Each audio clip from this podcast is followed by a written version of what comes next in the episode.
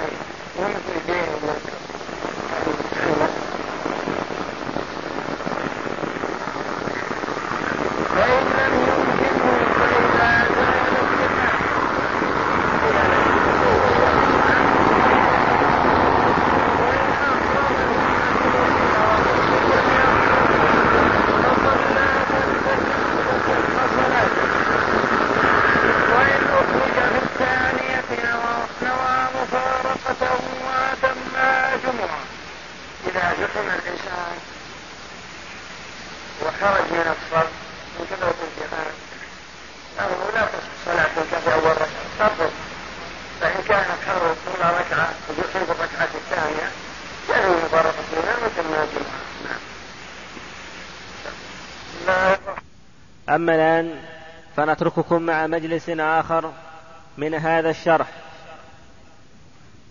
ويشترط تقدم خطبتين ومن شرط صحتهما حمد الله والصلاة على رسوله محمد صلى الله عليه وسلم وقراءة آية والوصية بتقوى الله عز وجل وحضور العدد المشترط.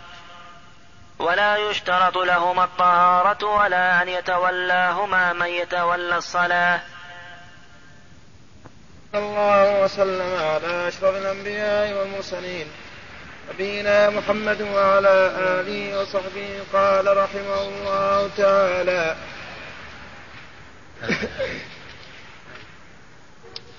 الشرط الرابع تقدم خطبتين وأشار إليه بقوله ويشترط تقدم خطبتين لقوله تعالى فاسعوا إلى ذكر الله والذكر هو الخطبة ولقول ابن عمر كان النبي صلى الله عليه وسلم يخطب خطبتين وهو قائم يفصل بينهما بجلوس متفق عليه. بسم الله الرحمن الرحيم قال رحمه الله تعالى ويشترط لصحة الجمعة تقدم خطبتين. فلو لم يحضر من يخطب لم يجد لهم أن يصلوا الجمعة. فمثلا لو كان أهل قرية اجتمع الجماعة في المسجد ولا وجدوا أحد يصلي. ما وجدوا أحد يخطب. لم يجدوا أحدا يخطب به. لم يجدوا أحدا يخطب به.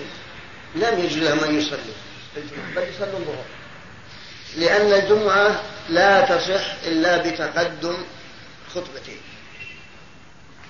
لأن الله سبحانه وتعالى يقول يا أيها الذين آمنوا إذا نودي للصلاة من يوم الجمعة فاسعوا إلى ذكر الله. والمراد ذكر الله هنا هي الخطبة. ولأن النبي صلى الله عليه وسلم كان يخطب خطبتين وهو قائم يفصل بينهما بجلوس. وهكذا عمل الخلفاء بعده وعمل المسلمين بعده من الصحابة والتابعين. فلا بد من تقدم خطبتين وإذا تعذر وجود من يخطب لم يجوز لهم أن يصلوا جمعة بل عليهم أن يصلوا ظهرا نعم. وهما بدل ركعتين لا من الظهر. وهاتان الخطبتان بدل ركعتين لكن ليستا من الظهر. هي حلت محل ركعتين لكن ما هي بدل؟ إذ لو قلنا بدل كان البدل له حكم مبدل. إنما هي عبادة مستقلة. عبادة مستقلة لا أنها بدل عبادة أخرى. هذا كما ابن قندس وغيره لا نقول إنها بدل بدلا من الظهر. لماذا نقول إنهما بدل من ركعتين ولا نقول أن يعني شرعت؟ لأن لو قلنا أنها بدل من ركعتين كان صلى لو قلنا إنها بدل من ركعتين من ركعتي الظهر لكان حكمها حكم ركعتي الظهر. يعني كان حكمها حكم ركعتي الظهر لكن فارقتها ولم تكن بدل بدلا لها إذ أن البدل له حكم مبدل. وهذه خطبة ليس فيها ركوع ولا سجود ولا تسبيح ولا تكبير. بخلاف ركعتي الظهر فإنها تشتمل على قيام وركوع وسجود. فمن شأن البدل أن يكون موافقا لمبدله. فليست بدلا منها أحسن الله إليك. بس لماذا لا نقول إنها شرعت ابتداء ليست بدلا عن شيء؟ أي نعم. لماذا نقول إنها بدل عن ركعتين ولا نقول إنها شرعت ابتداء لا تكون بدلا عن شيء؟ لا يمكن أن يقال أن يقال إن الأصل في الصلاة النهارية التي هي في مثل هذا الوقت كله أربع. والعصر أربع هذا هو الأصل. أما الجمعة صارت ركعتين وعوض عن تلك الركعتين هاتان الخطبتان. هذا يريدون يعني قد يقول قائل مثلا ليه إن الجمعة التي هي أفضل أيام الأسبوع جعلت ركعتين؟ والظهر في غيرها أربع ركعات ومعلوم أن أربع ركعات أفضل من الركعتين. لاشتمالها على ركوع وزيادة سجود وقيام ودعاء. فمعلوم أن كل ما كان أكثر فهو أحب إلى الله. قد يقول قائل هذا قول فيكون الظهر أفضل من هاتين الركعتين. ليه؟ مع أنكم تقولون إن الجمعة أفضل أيام الأسبوع. والجمعة لها من الخصائص والمزايا ما ليس لغيرها. من بقية أيام الأسبوع جعلتم صلاة الجمعة ركعتين وغيرها أربع. ومعلوم أن الأربع أكثر عبادة لاشتمالها على ما هو أكثر ركوع وأكثر سجود وأكثر تسبيح وأكثر قراءة وأكثر دعاء فتكون أفضل من هاتين الركعتين. أجابوا عن هذا قالوا إن الخطبة عبادة مستقلة تقوم مقام الركعتين في الأجر والفضل والدعاء. فالملقي الخطبة والمستمع اشتركوا في الأجر. لا أننا نقول أنها أبدا. يمكن أن يقال هذا.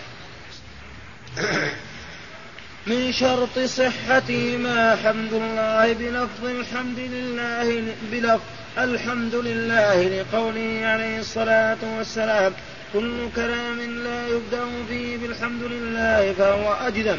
رواه أبو داود عن أبي هريرة. كذلك من هذه الخطبة لها شروط.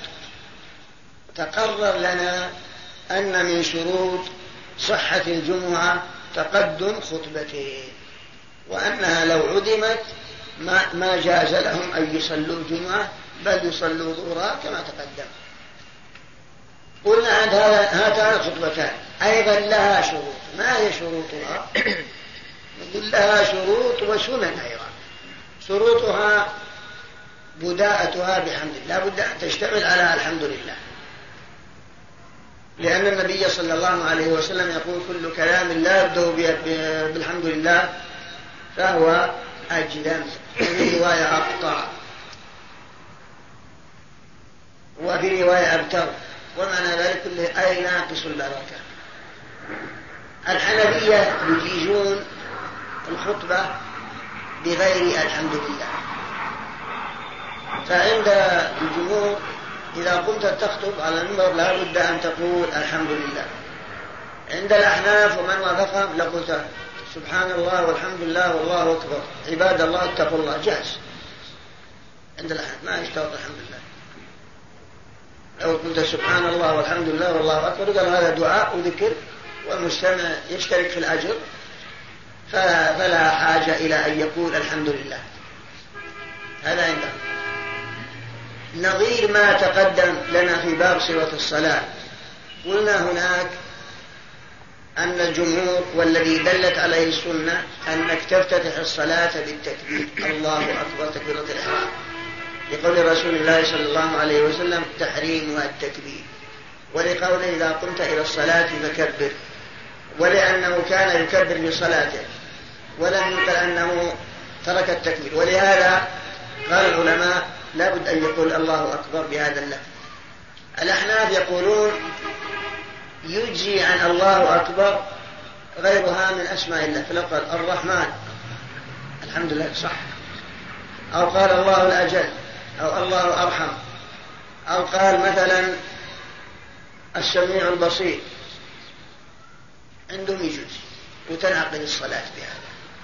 فكذلك هنا في الخطبة نظيره فإذا جاء بما يتضمن الثناء على الله أو التسبيح والتهليل والتكبير بدلا من الحمد لله فعندهم يجزي أما الجمهور يقولون لا لأن الرسول كان يبدأ خطبه الحمد لله نحمده ونستعينه وما نقل عنه ولا مرة واحدة أنه أبدلها بغير الحمد لله ولا كذلك خلفاؤه والصحابة والتابعون ولهذا الحديث فاختص الحكم بالحمد لله.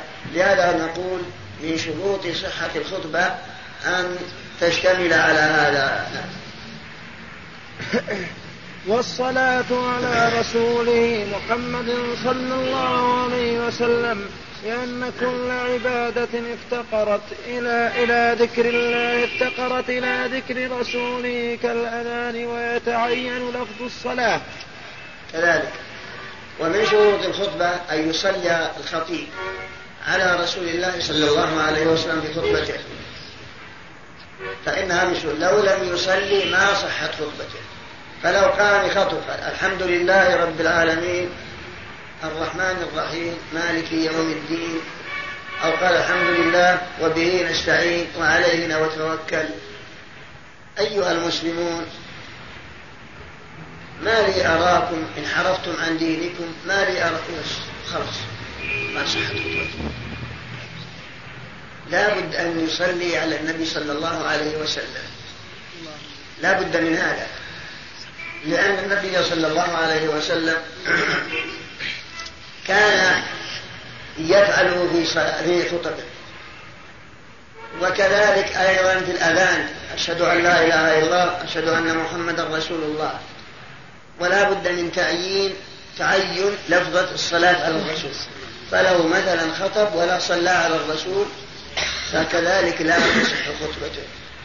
لكن لو لم يتشهد عندهم جائز كما لو كنت خطيب الحمد لله رب العالمين وصلى الله وسلم على عبده ورسوله محمد وآله وأصحابه أجمعين وسلم تسليما كثيرا أما بعد. هذا يجوز عندهم. شيخ الإسلام تيمية يقول لا. لا بد من لفظ الشهادتين في الخطبة.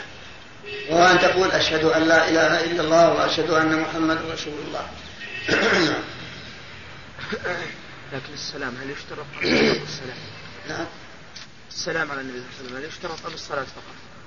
لا لا بد من السلام لكن المعروف عندهم الصلاة تكفي لأن عندهم تكفي الصلاة لكن الذي يظهر لا بد من الصلاة والسلام جميعا لأن الله سبحانه وتعالى يقول إن الله وملائكته يصلون على النبي يا أيها الذين آمنوا صلوا عليه وسلموا تسليما.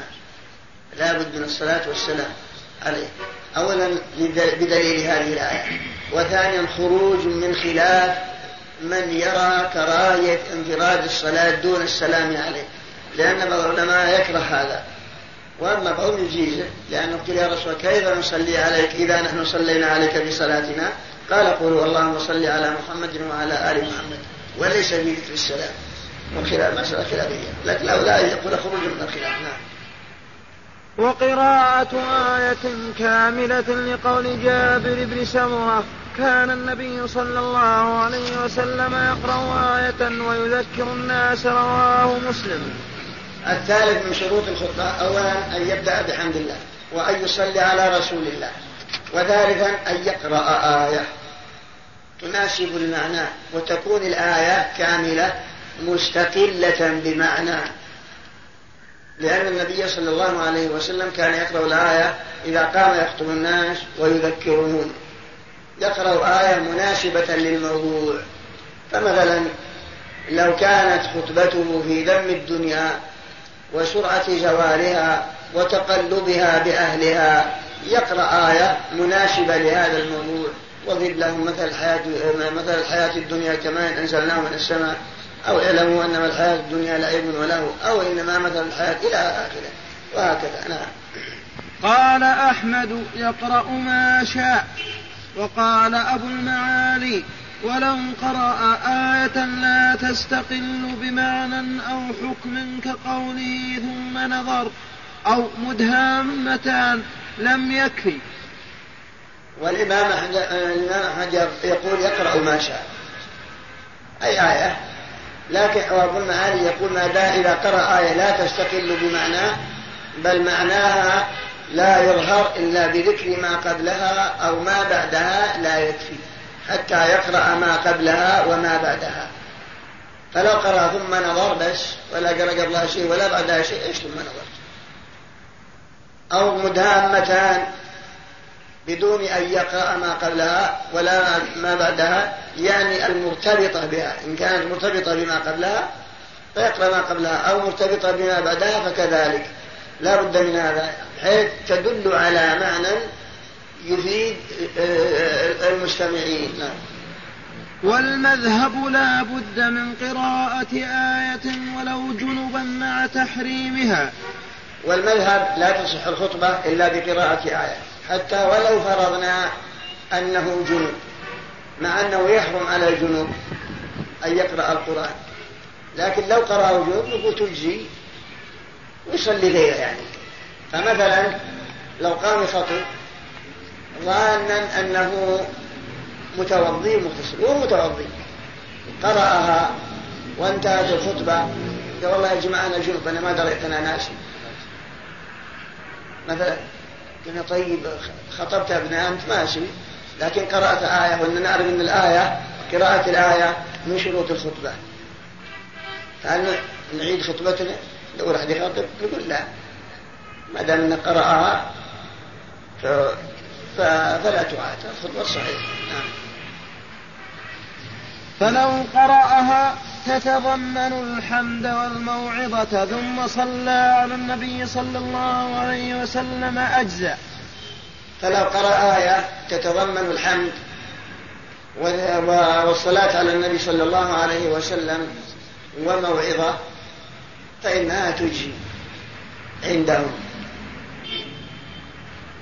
لو قرأ ما يدل على هذا المعنى فإنه جائز. مثل وقل الحمد. الحمد وقل الحمد لله الذي لم يتخذ ولدا ولم يكن له شريك في الملك ولم يكن له ولي من الذل وكبره تكبيرا. وصلى الله على محمد. نعم. والوصية بتقوى الله عز وجل لأنه المقصود. ولا بد من الوصية بتقوى الله لأنه هو المقصود. سواء كان باللفظ أو بالمعنى. يقول أيها الناس اتقوا الله. أوصيكم ونفسي بتقوى الله.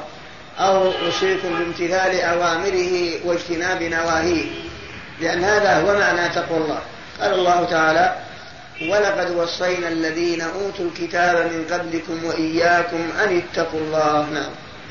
قال في المبدع ويبدأ بالحمد لله ثم بالصلاة ثم بالموعظة ثم القراءة بظاهر كلام جماعة. قال المبدع أن الخطيب يبدأ أولا بحمد الله ثم بالصلاة على النبي ثم بقراءة آية نعم. نعم. ولا بد في كل واحدة من الخطبتين من هذه الأركان. ولا بد في الخطبة الأولى والثانية أن تكون مشتملة على كل ما ذكر. وقلنا أيضا أنه لا بد من ذكر الشهادتين. على ما اختاره شيخ الإسلام ابن تيمية وعلى ما عليه العمل وهو الرواية الثانية عن أحمد. فلا بد أن يقول أشهد أن لا إله إلا الله وأشهد أن محمدا رسول الله. نعم. ويشترط حضور العدد المشترط لسماع القدر الواجب لأنه ذكر اشترط للصلاة فاشترط له العدد كتكبيرة الإحرام. ويشترط أيضا لصحة الخطبة أن يحضرها أن يحضرها العدد المشترط وهي وهم أربعون. فلو لم يحضرها إلا خمسة وثلاثين عندهم لا تصح. لكن تقدم لك فيما مضى في الشرط المتقدم حضور أربعين من أهل وجوبها أن القول المعتمد خلاف هذا وأن لا يشترط حضور أربعين. كما تقدمت الإشارة إليه. فإن نقصوا أو عادوا قبل هذا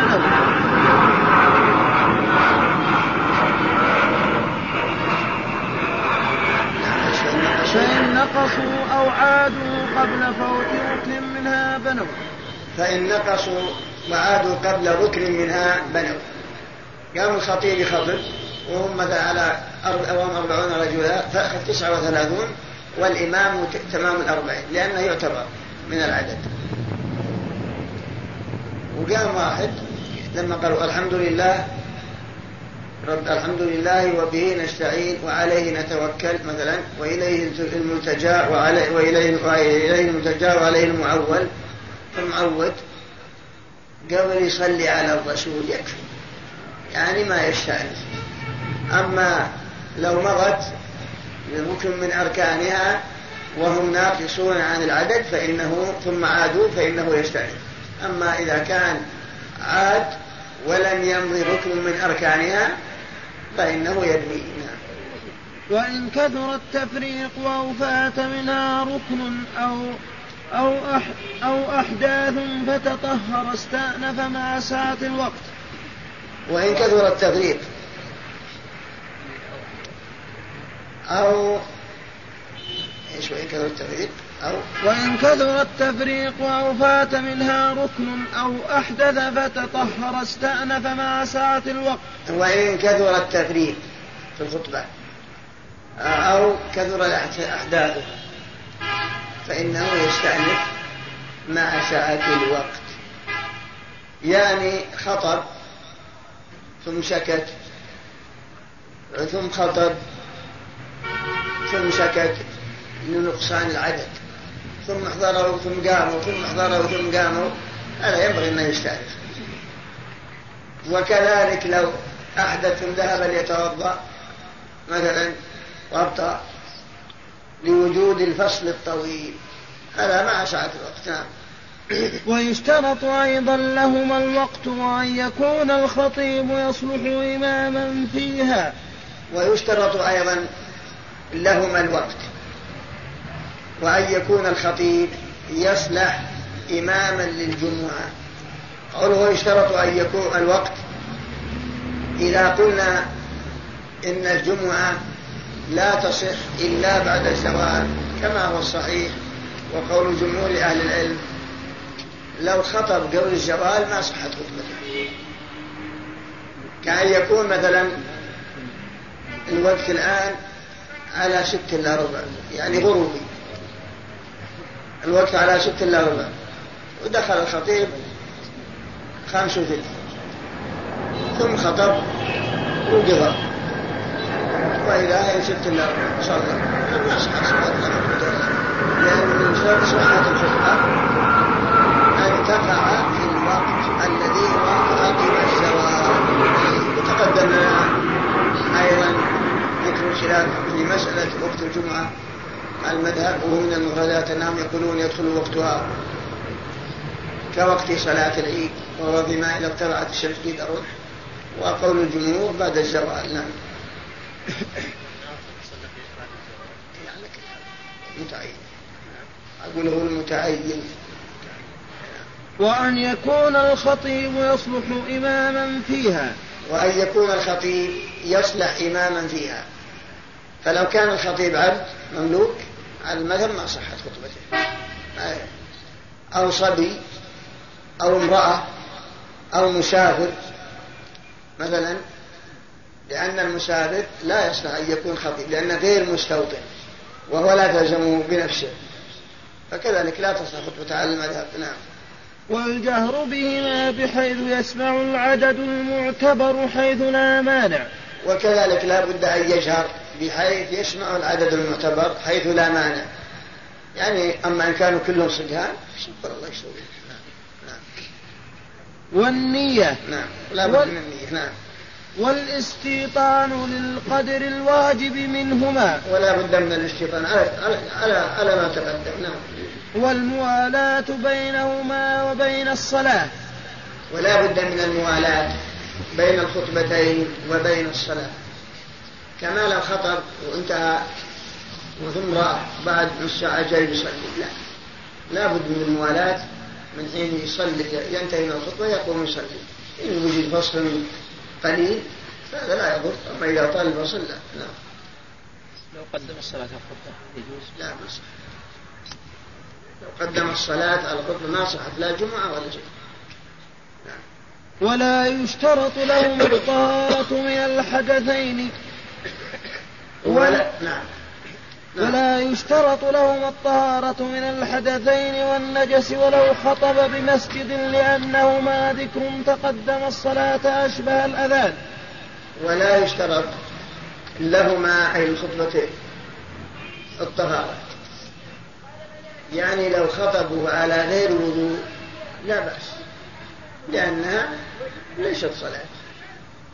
كما لو خطب إنسان على غير وضوء ثم جاء إنسان صلى غيره وذهب يتوضأ فخطبته صحيحة. وسواء كان وكذلك لو كان جنوب ناسي حتى لو كان متعمد إلا أنه يأثم فالخطبة صحيحة. أو خطب بعدما مرض شاف في ثياب النجاسة والله يا جماعة أنا خطب كل ثياب النجاسة ما دريت.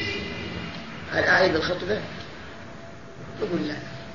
الصلاة صحيحة والخطبة والخطبة صحيحة لأن لا يشترط طهارة الدور ليست بصلاة. نعم وتحريم لبس الجنب بالمسجد, بالمسجد لا تعلق له بواجب العبادة. وتحريم لبس المسجد لا تعلق له.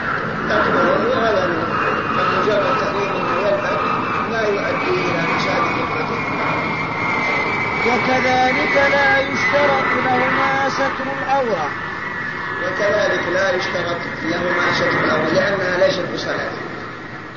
معناه لو قام الخطيب بخطب خطب انتهى قالوا له الجماعة يا يا اللي خطب الطوال اللي خطبت يا الإمام جزاك الله خير ثيابك كذا نشوف عورة رقاقة ريفة. يعني تصف البشرة يقول خطبة الصحيح بس عطوه بشتي ثلاث لا من يؤمر بالإعادة لا. حتى ولو يعني شيفت عورة من وراء ولا عقب النبي يجلس ما أعرف ما لكن اللي قد يتصور انه مشدود ولا رقيق ما انتبه له. نعم ولا أن يتولاهما من يتولى الصلاة. كذلك. ولا أن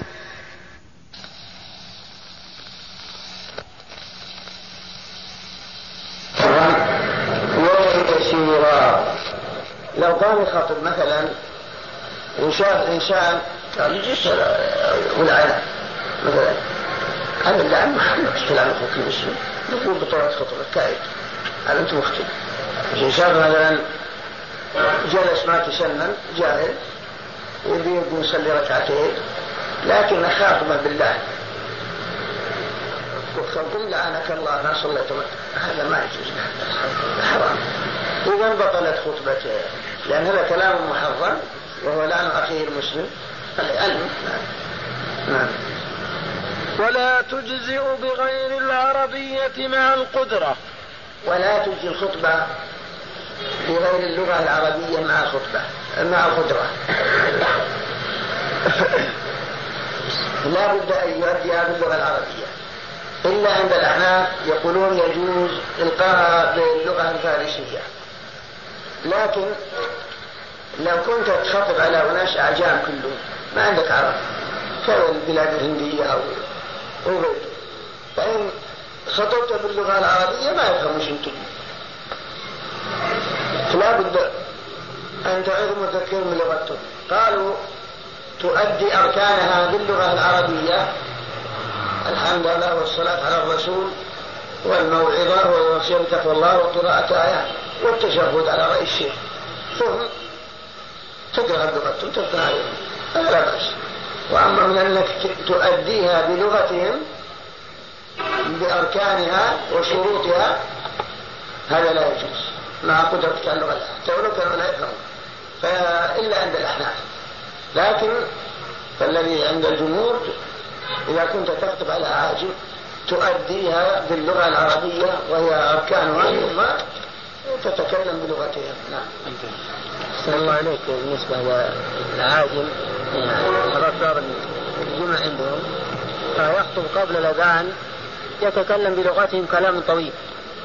وبعد الأذان يخطب خطبتين بالعربية قصيرتين لكن الخطبة اللي فيها الأمر والنهي والتحذير هذه قبل الأذان.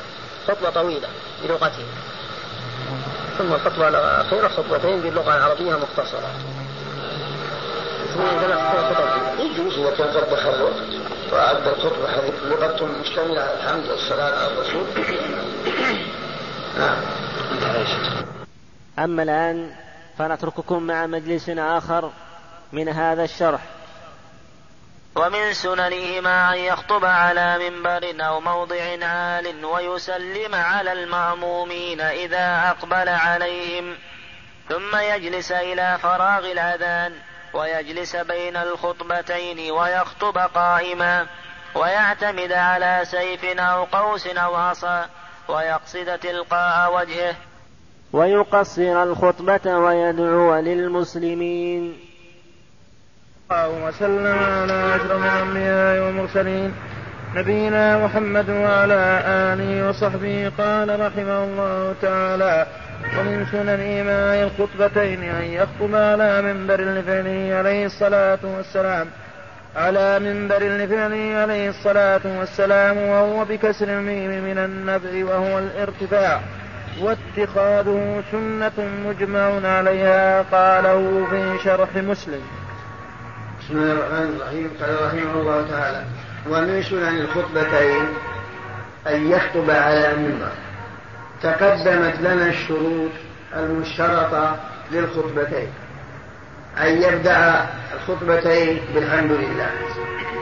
وأن يصلي على النبي صلى الله عليه وسلم. وأن يقرأ آية. وأن يوصيهم بتقوى الله. وأن تشتمل على موعظة. وهي تقوى الله. هذه شروط المتقدم بيانها وأنه لا يشترط لهما الطهارة ولا يشترط أن الذي يتولاهما هو الذي يتولى الصلاة. وتقدم أنها أن من شروط صحتهما وقوعهما في الوقت وأنه لو خطب قبل دخول الوقت أنها لا تجزي فعلى رأي الجمهور مذهب الأئمة الثلاثة والحديث لو خطب قبل الزوال وصلى بعد الزوال لا تصح. خطبته. ولا جمعته. بل لا بد أن تكون بعد الزوال. إلا على المذهب القائلين بأن يجوز أن دخول الجمعة يدخل في صلاة العيد من حين ترتفع الشمس في ذروة لكن هذا قول مرجوح والصحيح وما ذهب إليه الجمهور كما تدل عليه الأحاديث الكثيرة. كذلك أيضا لا يشترط طهارة الثوب للخطيب بل ولا ستر عورته وإن كان هذا من الكمال لكن لو فرض وقوعه لا نأمره بآخر وهذا كله قد سبق. بقي مسنونات الخطبتين هي ما يأتي. أولا أنه يخطب على منبر. والمنبر مأخوذ من النبر وهو المكان المبتدأ. ليكون أندى لصوته وأبلغ وإلا لو خطب على الأرض لا بأس. ما معنى إلا أن الأولى يكون على محل مبتدأ. من أجل أن يبرز للناس يراهم ويرونه ولأجل يكون أندى لصوته. ولأن النبي صلى الله عليه وسلم وخلفاؤه والصحابة والمسلمون بعد كلهم يخطبون على منبر وهذا أمر مجمع عليه نعم. قول يا شيخ متى يبدأ وقت الجمعة على قول الجمهور؟ إيش؟ ومتى يبدأ يبدأ وقت الجمعة على قول الجمهور؟ الزواج بعد الزواج نعم ويصعده على تؤدة إلى الدرجة التي تلي الصف ويصعد المنبر بتؤدة حتى يصل إلى الدرجة التي تلي الصف والأولى أن تكون ثلاث درجات إن كان من بني رسول الله صلى الله عليه وسلم وإن صار أكثر قوله ويصعده على تؤدة لماذا لم نقل بتؤدة؟ إيش؟ قوله ويصعده على تؤدة لماذا لم يقل بتؤدة؟ هل يجوز على كذا؟ لا على وش هو يصعده إيش؟ ويصعده على تؤدة. وش وش المشكلة؟ لماذا لم يقل بتؤدة بذا العلاء؟ يعني كيف عدها إلى علاء؟ نعم. يعني عد التؤدة إلى علاء. ما في مانع. ولا عد الضرب بتؤدة. لأن التؤدة تعود إلى نفس الذي يصعد. نفس يعني الخطيب يعني كما يقول ويأتي بتؤدة. لكن تأدى على ما تعطي المعنى أو يخطب على موضع عال إن عدم المنبر لأنه في معناه. وإذا لم يكن هناك منبر فينبغي أن يخطب على موضع عالي مثل صندوق أو مثل بناية أو ما أشبه ذلك. نعم. عن يمين مستقبل القبلة بالمحراب. ويكون المنبر عن يمين المحراب. هذا هو الأولى. كما كان على عهد رسول الله صلى الله عليه وسلم. وهذا كله من باب أنه مستحب. نعم. وإن خطب بالأرض فعن يسارهم. وإن خطب بالأرض فيكون عن يساره يصير المحراب على يساره. هو عن يسار المحراب. إذا خطب يكون لأنه يقابل المأمومين بوجهه فيكون المحراب عن يساره هو الواقع عن يسار المحراب. وإذا كان على المنبر فيكون المنبر المحراب عن يمينه نعم. إيش؟ التفريق الحالة هذه ما دليل وشيء ما. نعم. وأن يسلم على المأمومين إذا أقبل عليهم لقول جابر كان رسول الله صلى الله عليه وسلم إذا صعد المنبر سلم. رواه ابن ماجه. ورواه الأثرم عن أبي بكر وعمر وابن مسعود وابن الزبير ورواه النجاد عن عثمان كسلامه على من عنده في خروجه. رواه البخاري عن عثمان. ورواه النجاد. البخاري ورواه النجاد عن عثمان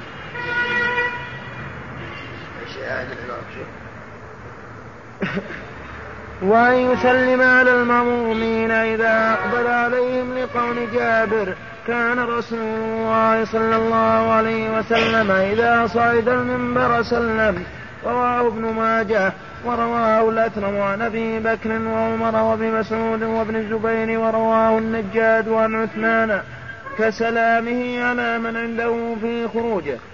عند البخاري. يمكن الطبعة اللي معك من الطبعة اللي معك. أي نعم. هذا ينبغي أن يراجع. لكن أنا ما أظن في البخاري لكن يراجع بالكتاب. لكن ما ذكر شيخ المحشين. إيش؟ ما ذكر بعض المحشين النجاد جعله البخاري إيش؟ وجعل النجاد البخاري غلطا يعني ولا أصل النجاد؟ لا يمكن يراجع ما يمكن الجزم فيه إلا بعد مراجعة البخاري لأن يعني الحمد لله موجود ويسلم على المأمومين إذا المنبر يقبل عليهم. بأن يقول السلام عليكم ورحمة الله وبركاته. وهم يردون عليه السلام بمثل ما سلم به. لأن النبي صلى الله عليه وسلم كان إذا صعد المنبر سلم عليهم.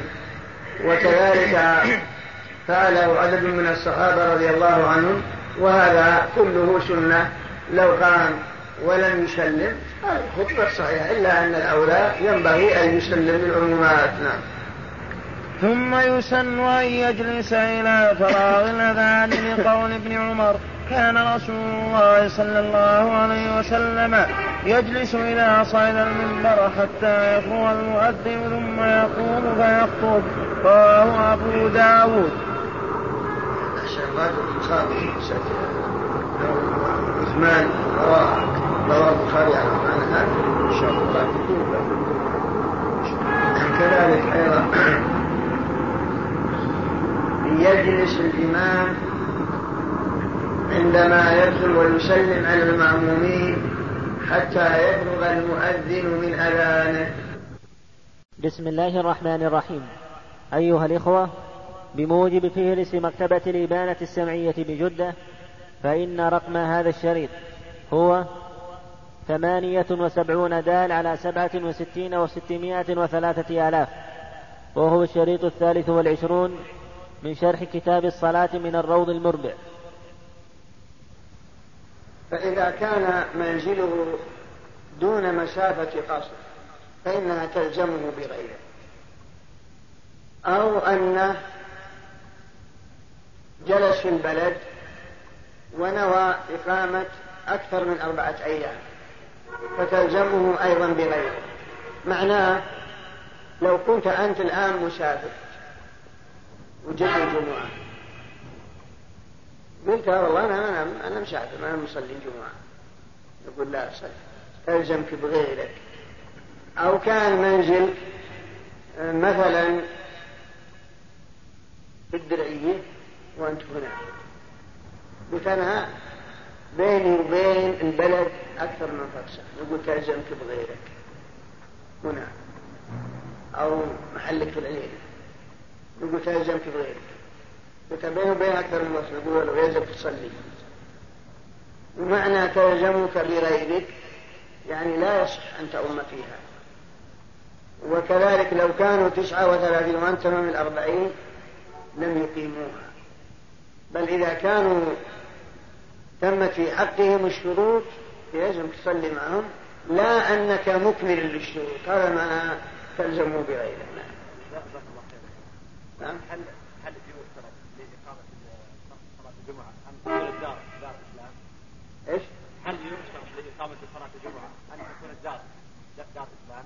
لا لا كان ولو كان من دار الإسلام إذا كان مستوطن وعنده جماعة تصلي الجمعة دار الإسلام كأن يكون مثلا المسلمين في أمريكا مستوطنين أو في ألمانيا أو في بريطانيا مستوطنون يقال في محل مجتمعين فيه يصلون الصلوات الخمس يلزم يصلون الجمعة. إنما صحت منه تبعا ولم يصح أن يؤم فيها لئلا يصير التابع متبوعا.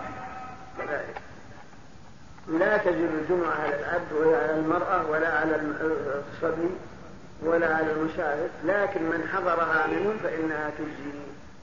كالمرأة مثلا تصلي مع الناس الجمعة تجزي عن الظهر وكذلك لا يصح أن يؤم فيها. كالعبد يقوم يخطب فعلى المذهب لا. أو يصلي بالناس لا. لأنها لا تلزم بنفسه. كذلك أيضا الصبي أو المسافر عندهم. كما لو ذهبت المسافر من مريت في بلدك أو تصلي من جزاك الله خير. أو تروح تريد أن تذكر عندهم. تعظهم وترشدهم. فأرى حاولت تصلي بالخطب فعلى المذهب لا يصح. لأنك غير مستوطن. نعم. ها؟ والصواب انك لا صلاة. هذا المذهب عادل يأتي بيان في اثناء البحث في الاعلام الشروط. نعم أما الآن فنترككم مع مجلس آخر من هذا الشرح. ومن سقطت عنه لعذر وجبت عليه وانعقدت به ومن صلى الظهر ممن عليه حضور الجمعة قبل صلاة الإمام لم تصح. وتصح ممن لا تجب عليه والأفضل حتى يصلي الإمام. ولا يجوز لمن تلزمه السفر في يومها بعد الزوال. بسم الله الرحمن الرحيم. الحمد لله رب العالمين وصلى الله وسلم على نبينا محمد وعلى آله وصحبه. قال رحمه الله تعالى ومن صلى الظهر ومن سقطت عنه لعذر غير سفر كمرض. غير بالكسر شيئا ومن سقطت عنه لعذر غير سفر كمرض وخوف إن حضرها وجبت عليه وانعقدت به وجاز أن يهم فيها لأن سقوطها لأن سقوطها لمشقة السعي وقد زالت. ومن سقطت عنه لعذر غير غير حجة. سبق قلنا لك أنه إذا وقعت عضو النكرة تكون تابعة له. لا ومن سقطت عنه لعذر غير. مثلا تغيير هذه متوجهة لبعض النحاة لكن الذي دور قبلها تكون تابعة لها. وإن كان الذي قبلها للمسوي التي سنة وإن كان معرفة وتقول مثلا جاء القوم غير زيد جاء القوم غير ما تقول غير غير أما إذا كان جوها وتراب في لما قبله جاء رجل غير الذي تعرف جاء رجل غير الذي ما جاء رجل غير الذي تعرف جاء رجل غير والرجل نكرة كذلك هنا ومن سقطت عنه لعذر غير الشهر الشهر عذر لكنها سنة ومن سقطت عنه الجمعة لعذر كمرض ونحوه وحضرها فإنها منه وتنعقد به لأنه إنما سومح في الحضور عنها ولأجل مشقة الشيء وفرزها. كما لو كنت كإنسان مريض؟ يقول لا يلزم تروح بنفسه لا يكلف الله نفسا إلا وسعها هذا ما يشق عليه. ولا يسجد لكن تجشم المشقة وراح صلى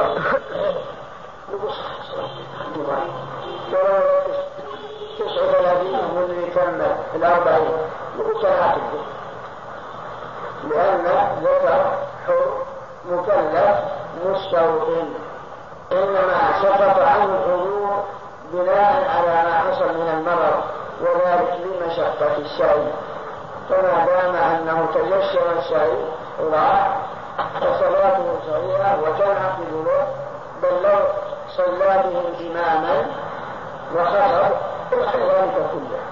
وهذا بخلاف المسافر إذا كان سقطت عنه من أجل الشرع فهذا تلزمه بغيره.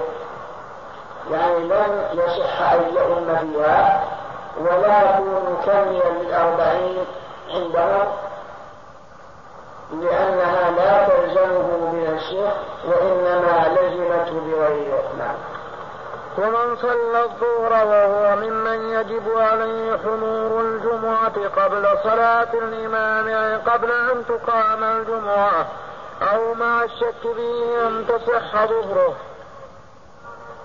ومن صلى الظهر وهو ممن تجب عليه الجمعة مع بقاء وقتها أو شك أي بقاء وقتها لم تصح بل عليه أن يعيد فمعنى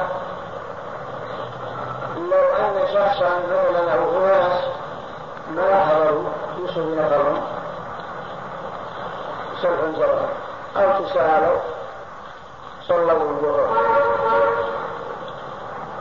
والجمعة بعد صلاة نقول صلاتكم غير صحيحة فلا تجزيهم عن الظهر ولا عن الجمعة بل عليهم أن يريدوا لأنهم مأمورون بالسعي والسعي في إمكانه والله يقول يا أيها الذين آمنوا إذا نودوا للصلاة من يوم ذكر الله فهو مطالب بأن يذهب أن يصلي الجمعة. فصلاته ما تركوا لا تصح ظهرا وإنما تصح إذا لم يتمكن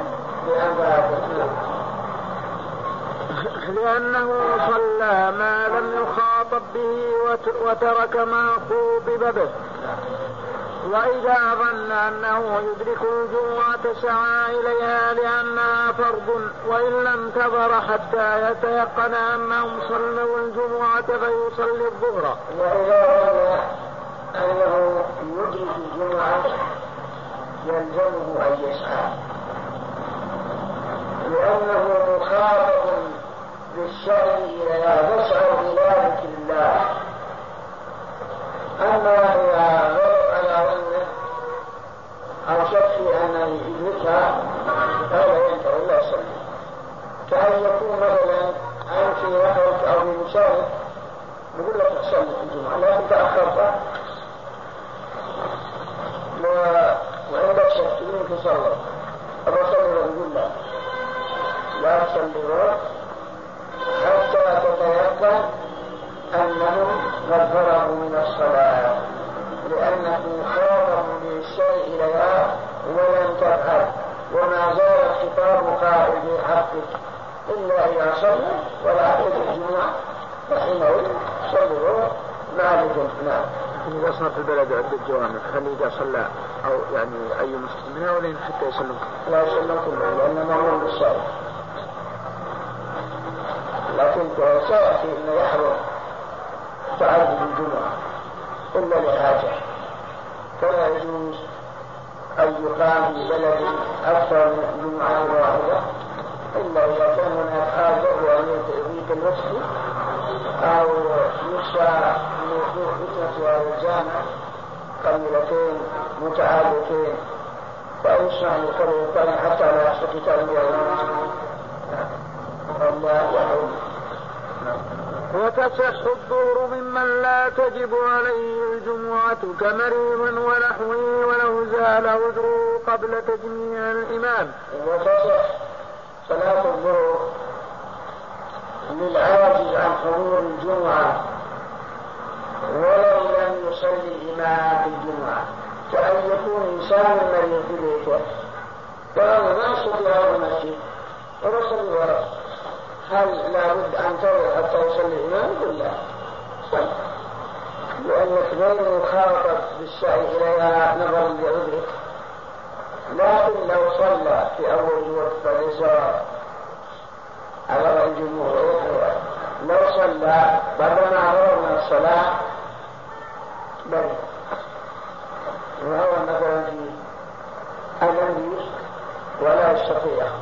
بالكلية. ما صلى الظهر زاد والإمام ما صلى هل يجوز؟ يقول لا. ما يجوز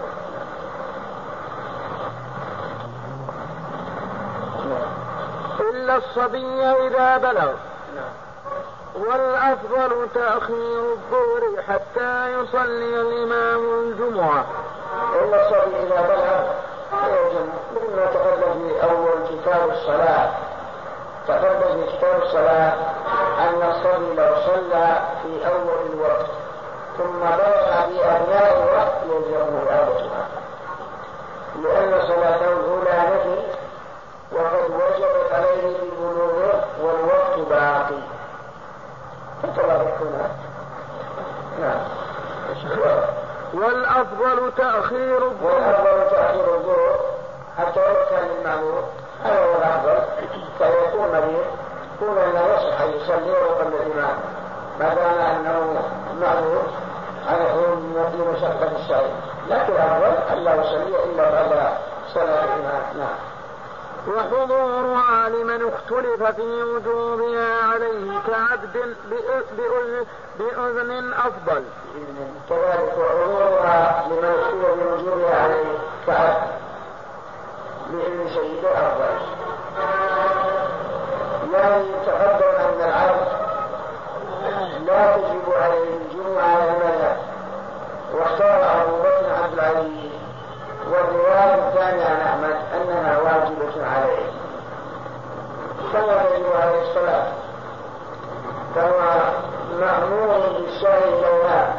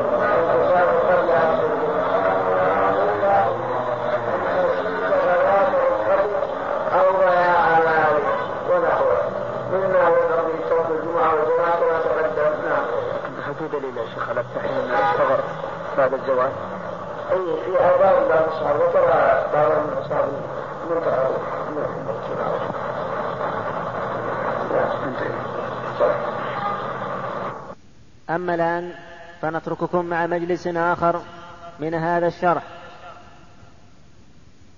فصل يشترط لصحتها شروط ليس منها إذن الإمام. أحدها الوقت وأوله أول وقت صلاة العيد وآخره آخر وقت صلاة الظهر. فإن خرج وقتها قبل التحريمة صلوا ظهرا وإلا فجمعة. الثاني حضور أربعين من أهل وجوبها.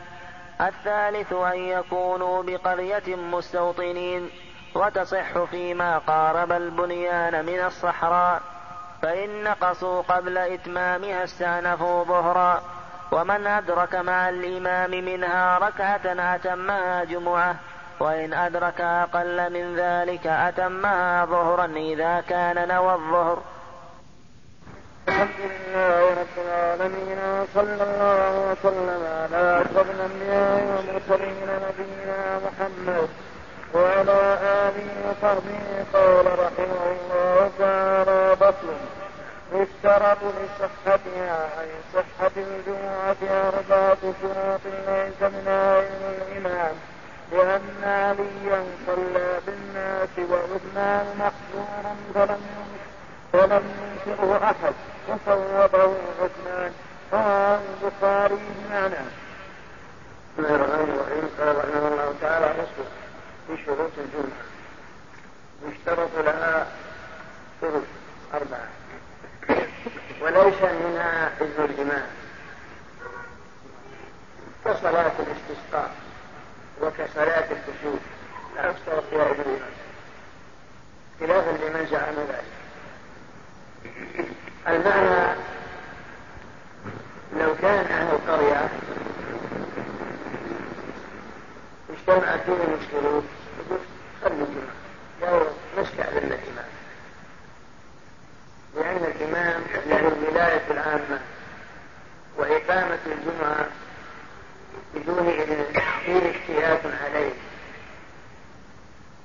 نقول ما تشترط فيها إذن الإمام بل صلوا بدون الرجوع إلى علم الإمام وإن كان الإمام له الولاية العامة ولا النظر في مصالح المسلمين لكن ما دام أن الشروط انطبقت عليكم فلكم أن تصلوا بدون أن تستأذنوا الإمام بدليل أن علي رضي الله عنه صلى بالناس في المدينة وعثمان محصور في الدار.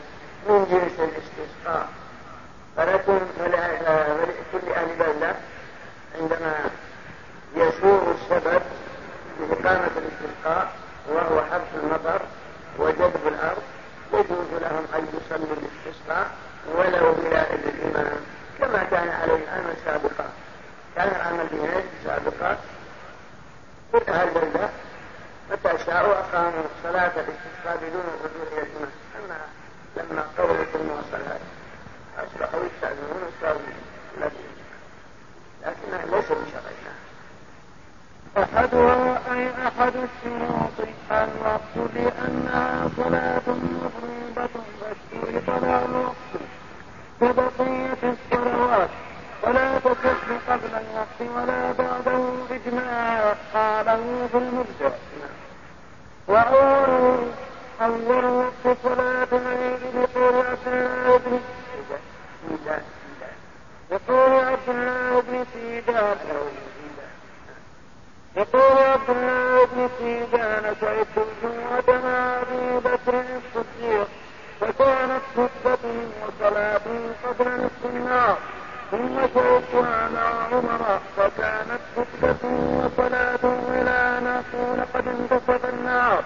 ثم شهدتها مع عثمان فكانت خطبته وصلاته إلى أن أقول جعل النار فما رأيت أحدا عاب ذلك ولا أنكره رواه الدار قطني وأحمد. واحتج به قال وكذلك روي عن ابن مسعود وجابر بن سعيد ومعاوية أن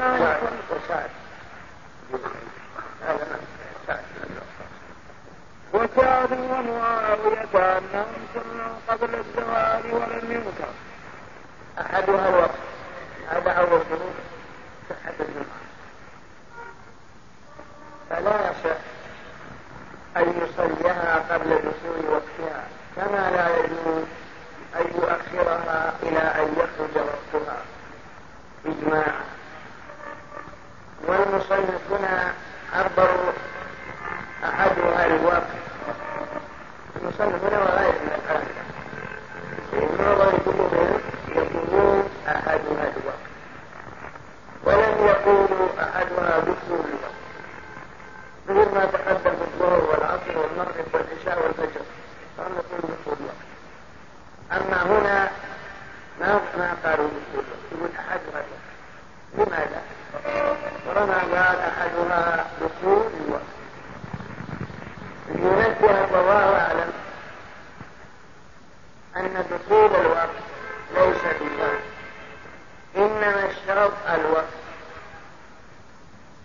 بحيث لو خرج الوقت لا تصليها جمعة بخلاف الصلوات الأخرى فلو خرج الوقت صليت الظهر قضاء صغر أو عصر قضاء المغرب أربع ثلاث قضاء العشاء كذلك.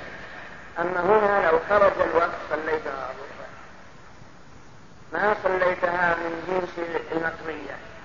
ولهذا قالوا أحدها الوقت. فلو خرج الوقت لا تصلي جمعة بل تصليها ظهرا وقول وأول الوقت كصلاة يعني من حين ترتفع الشمس في درجة آخر وقت صلاة الظهر. هذا الجمعة فإذا طلعت الشمس يوم الجمعة وارتفعت قيدهم دخل وقت صلاة الجمعة فلو صلوها الآن على المذهب بعد طلوع الشمس بمقدار نصف ساعة. صلوا بالجمعة نظرا إلى أن دخولها يبدو بعد الطلوع بعد الوجود بعد ارتفاعها مستدلين بحديث عبد الله بن سيدان. قال صليت مع أبي بكر رضي الله عنه الجمعة فكانت صلاته وخطبته قبل منتصف النهار. أو والمنتصف يكون بالزواج وما كان قبل فهو يبتدي من الشمس لأن النهار عندهم يكثر من الشمس من طلوع الشمس. قال وصليت مع عمر فكانت خطبته وصلاته منتصف النهار قال وصليت مع عثمان فكانت صلاته وخطبته إلى ان أقول جعل النهار. قالوا هذا يدل على أن أبا بكر كان يصلي قبل الزواج وهذا أفضل بالنهار عبد الله بن سيدان والنهار يبتدي من طلوع الشمس. وطلوع الشمس لا يجوز نزول الصلاة به لأنه كما في الاخرى فإذا طلع قيلهم وزال القرنين دخل وقت الجمعة. كصلاة وقول الجمهور لا. لم يعهد أن الرسول صلاها قبل الزواج إنما نعم جاءت آثار تدل على ذلك. لكن الأحاديث الصحيحة الصريحة التي البخاري ومسلم بينها كلها تدل على أنه كان يصلي الجمعة بعد الزواج. وكانوا إذا فرغوا من صلاة الجمعة كما في حديث سلمة كنا يومئذ نتتبع البيت والبول يكون إلا بعد الزواج قالوا هذا يدل على أن تكون بعد الزواج وهذا القول وأسأل في الدليل كما عليه الأمر فينظر إلى آخر وقت صلاة الظهر هذا هو وقت صلاة الجمعة والأولى أن لا تصلى إلا بعد الزواج خروجا من الخلاف لأن الصلاة تصح باتفاق المسلمين. فلو صلاها قبل الزواج صحت عند الحنابلة ولم تصح عند الأئمة الثلاثة فالأولى أن الإمام يراعي الزواج مهما كانت الحالة ولا بد أن الخطبة والصلاة تقع جميعا عقب الزواج لا قبل الزواج كما كان عادته صلى الله عليه وسلم في داره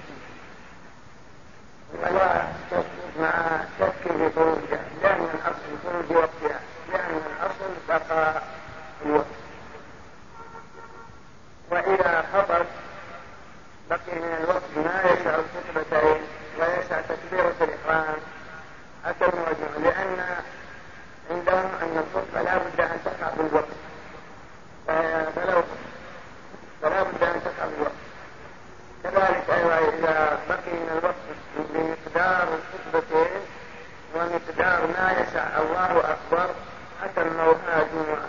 وكما قلنا أن الخطبة لابد أن يسمع خطبتين مقدار ركعة. الموضوع نعم الشرط الثاني صلى الله عليه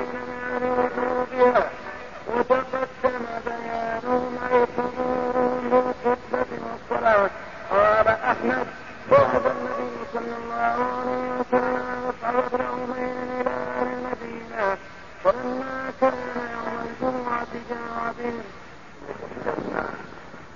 جمع بهم وكانوا أربعين وكانت أول جمعة جمعت المدينة وقال جابر مضت السنة أن في كل أربعين كما قال جمعة وأضحية وفطرا رواه الدار قطني وفيه بعض قاله في المدة الشرط الثاني في إقامة الجمعة حضور أربعين من أهل وجوبها وأهل وجوبها والمجلسون الأحرار المكلفون المستوطنون هؤلاء وجوبها كما تقدم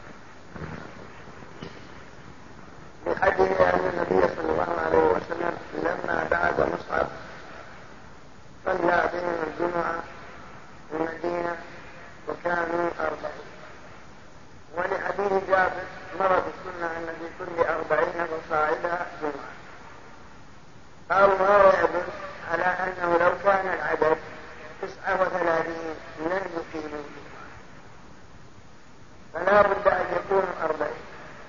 لكن لو كانوا تسعة وثلاثين والمكون من الأربعين هو الإمام عندهم نعم يقيموا الجمعة حتى ولو كانوا تسعة وثلاثين ما دام أن الإمام هو المكمل من الأربعين لأن العدد المشترك قد حصل.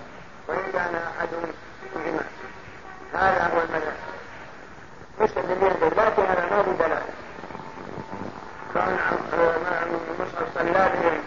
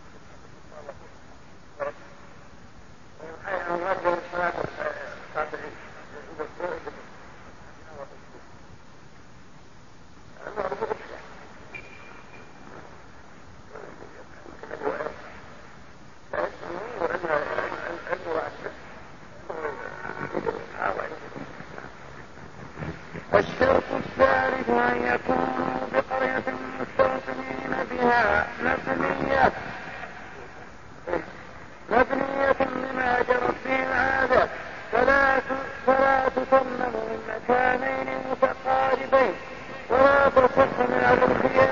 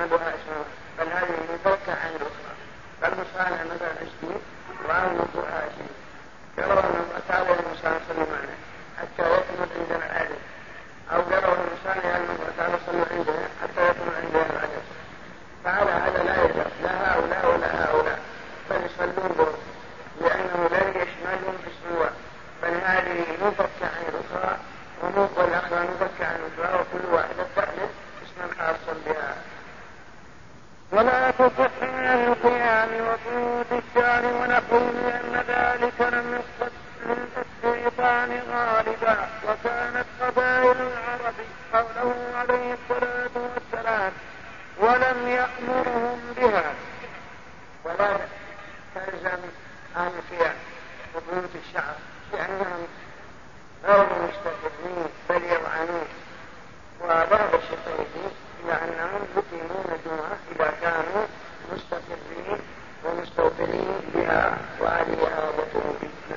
وتصح بقرية خراب عزموا على إصلاحها والإقامة بها.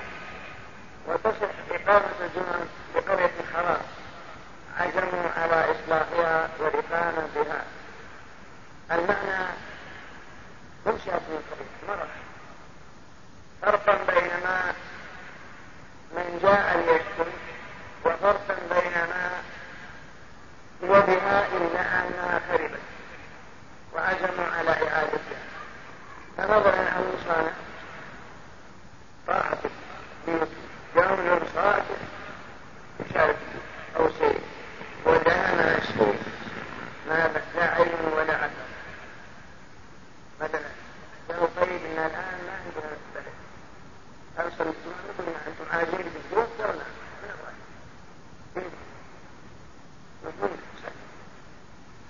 لأن قريتكم خربت وأنتم عازمون على اصلاحها بخلاف اذا رحلوا عنها تركوها خراب ثم عادوا اليها يريدون بناء هذا لا لا يريدون حتى يستوطنون ولا يسمى مستوطنين حتى يكونوا مسلمين وتصح إقامتها فيما قارب البنيان من الصحراء بأن أسعد بن زرارة أول من جمع في حرة أول من جمع في حرة بني بياضة أخرجه أبو داود والدار قطني. قال البيهقي حسن الإسناد صحيح. قال الخطابي حرة بني بياضة على يمين من المدينة. وتصح إقامة الجمعة. فيما قارب البنيان من الصحراء يعني لو خرجنا الآن نصلي الجمعة عن المسجد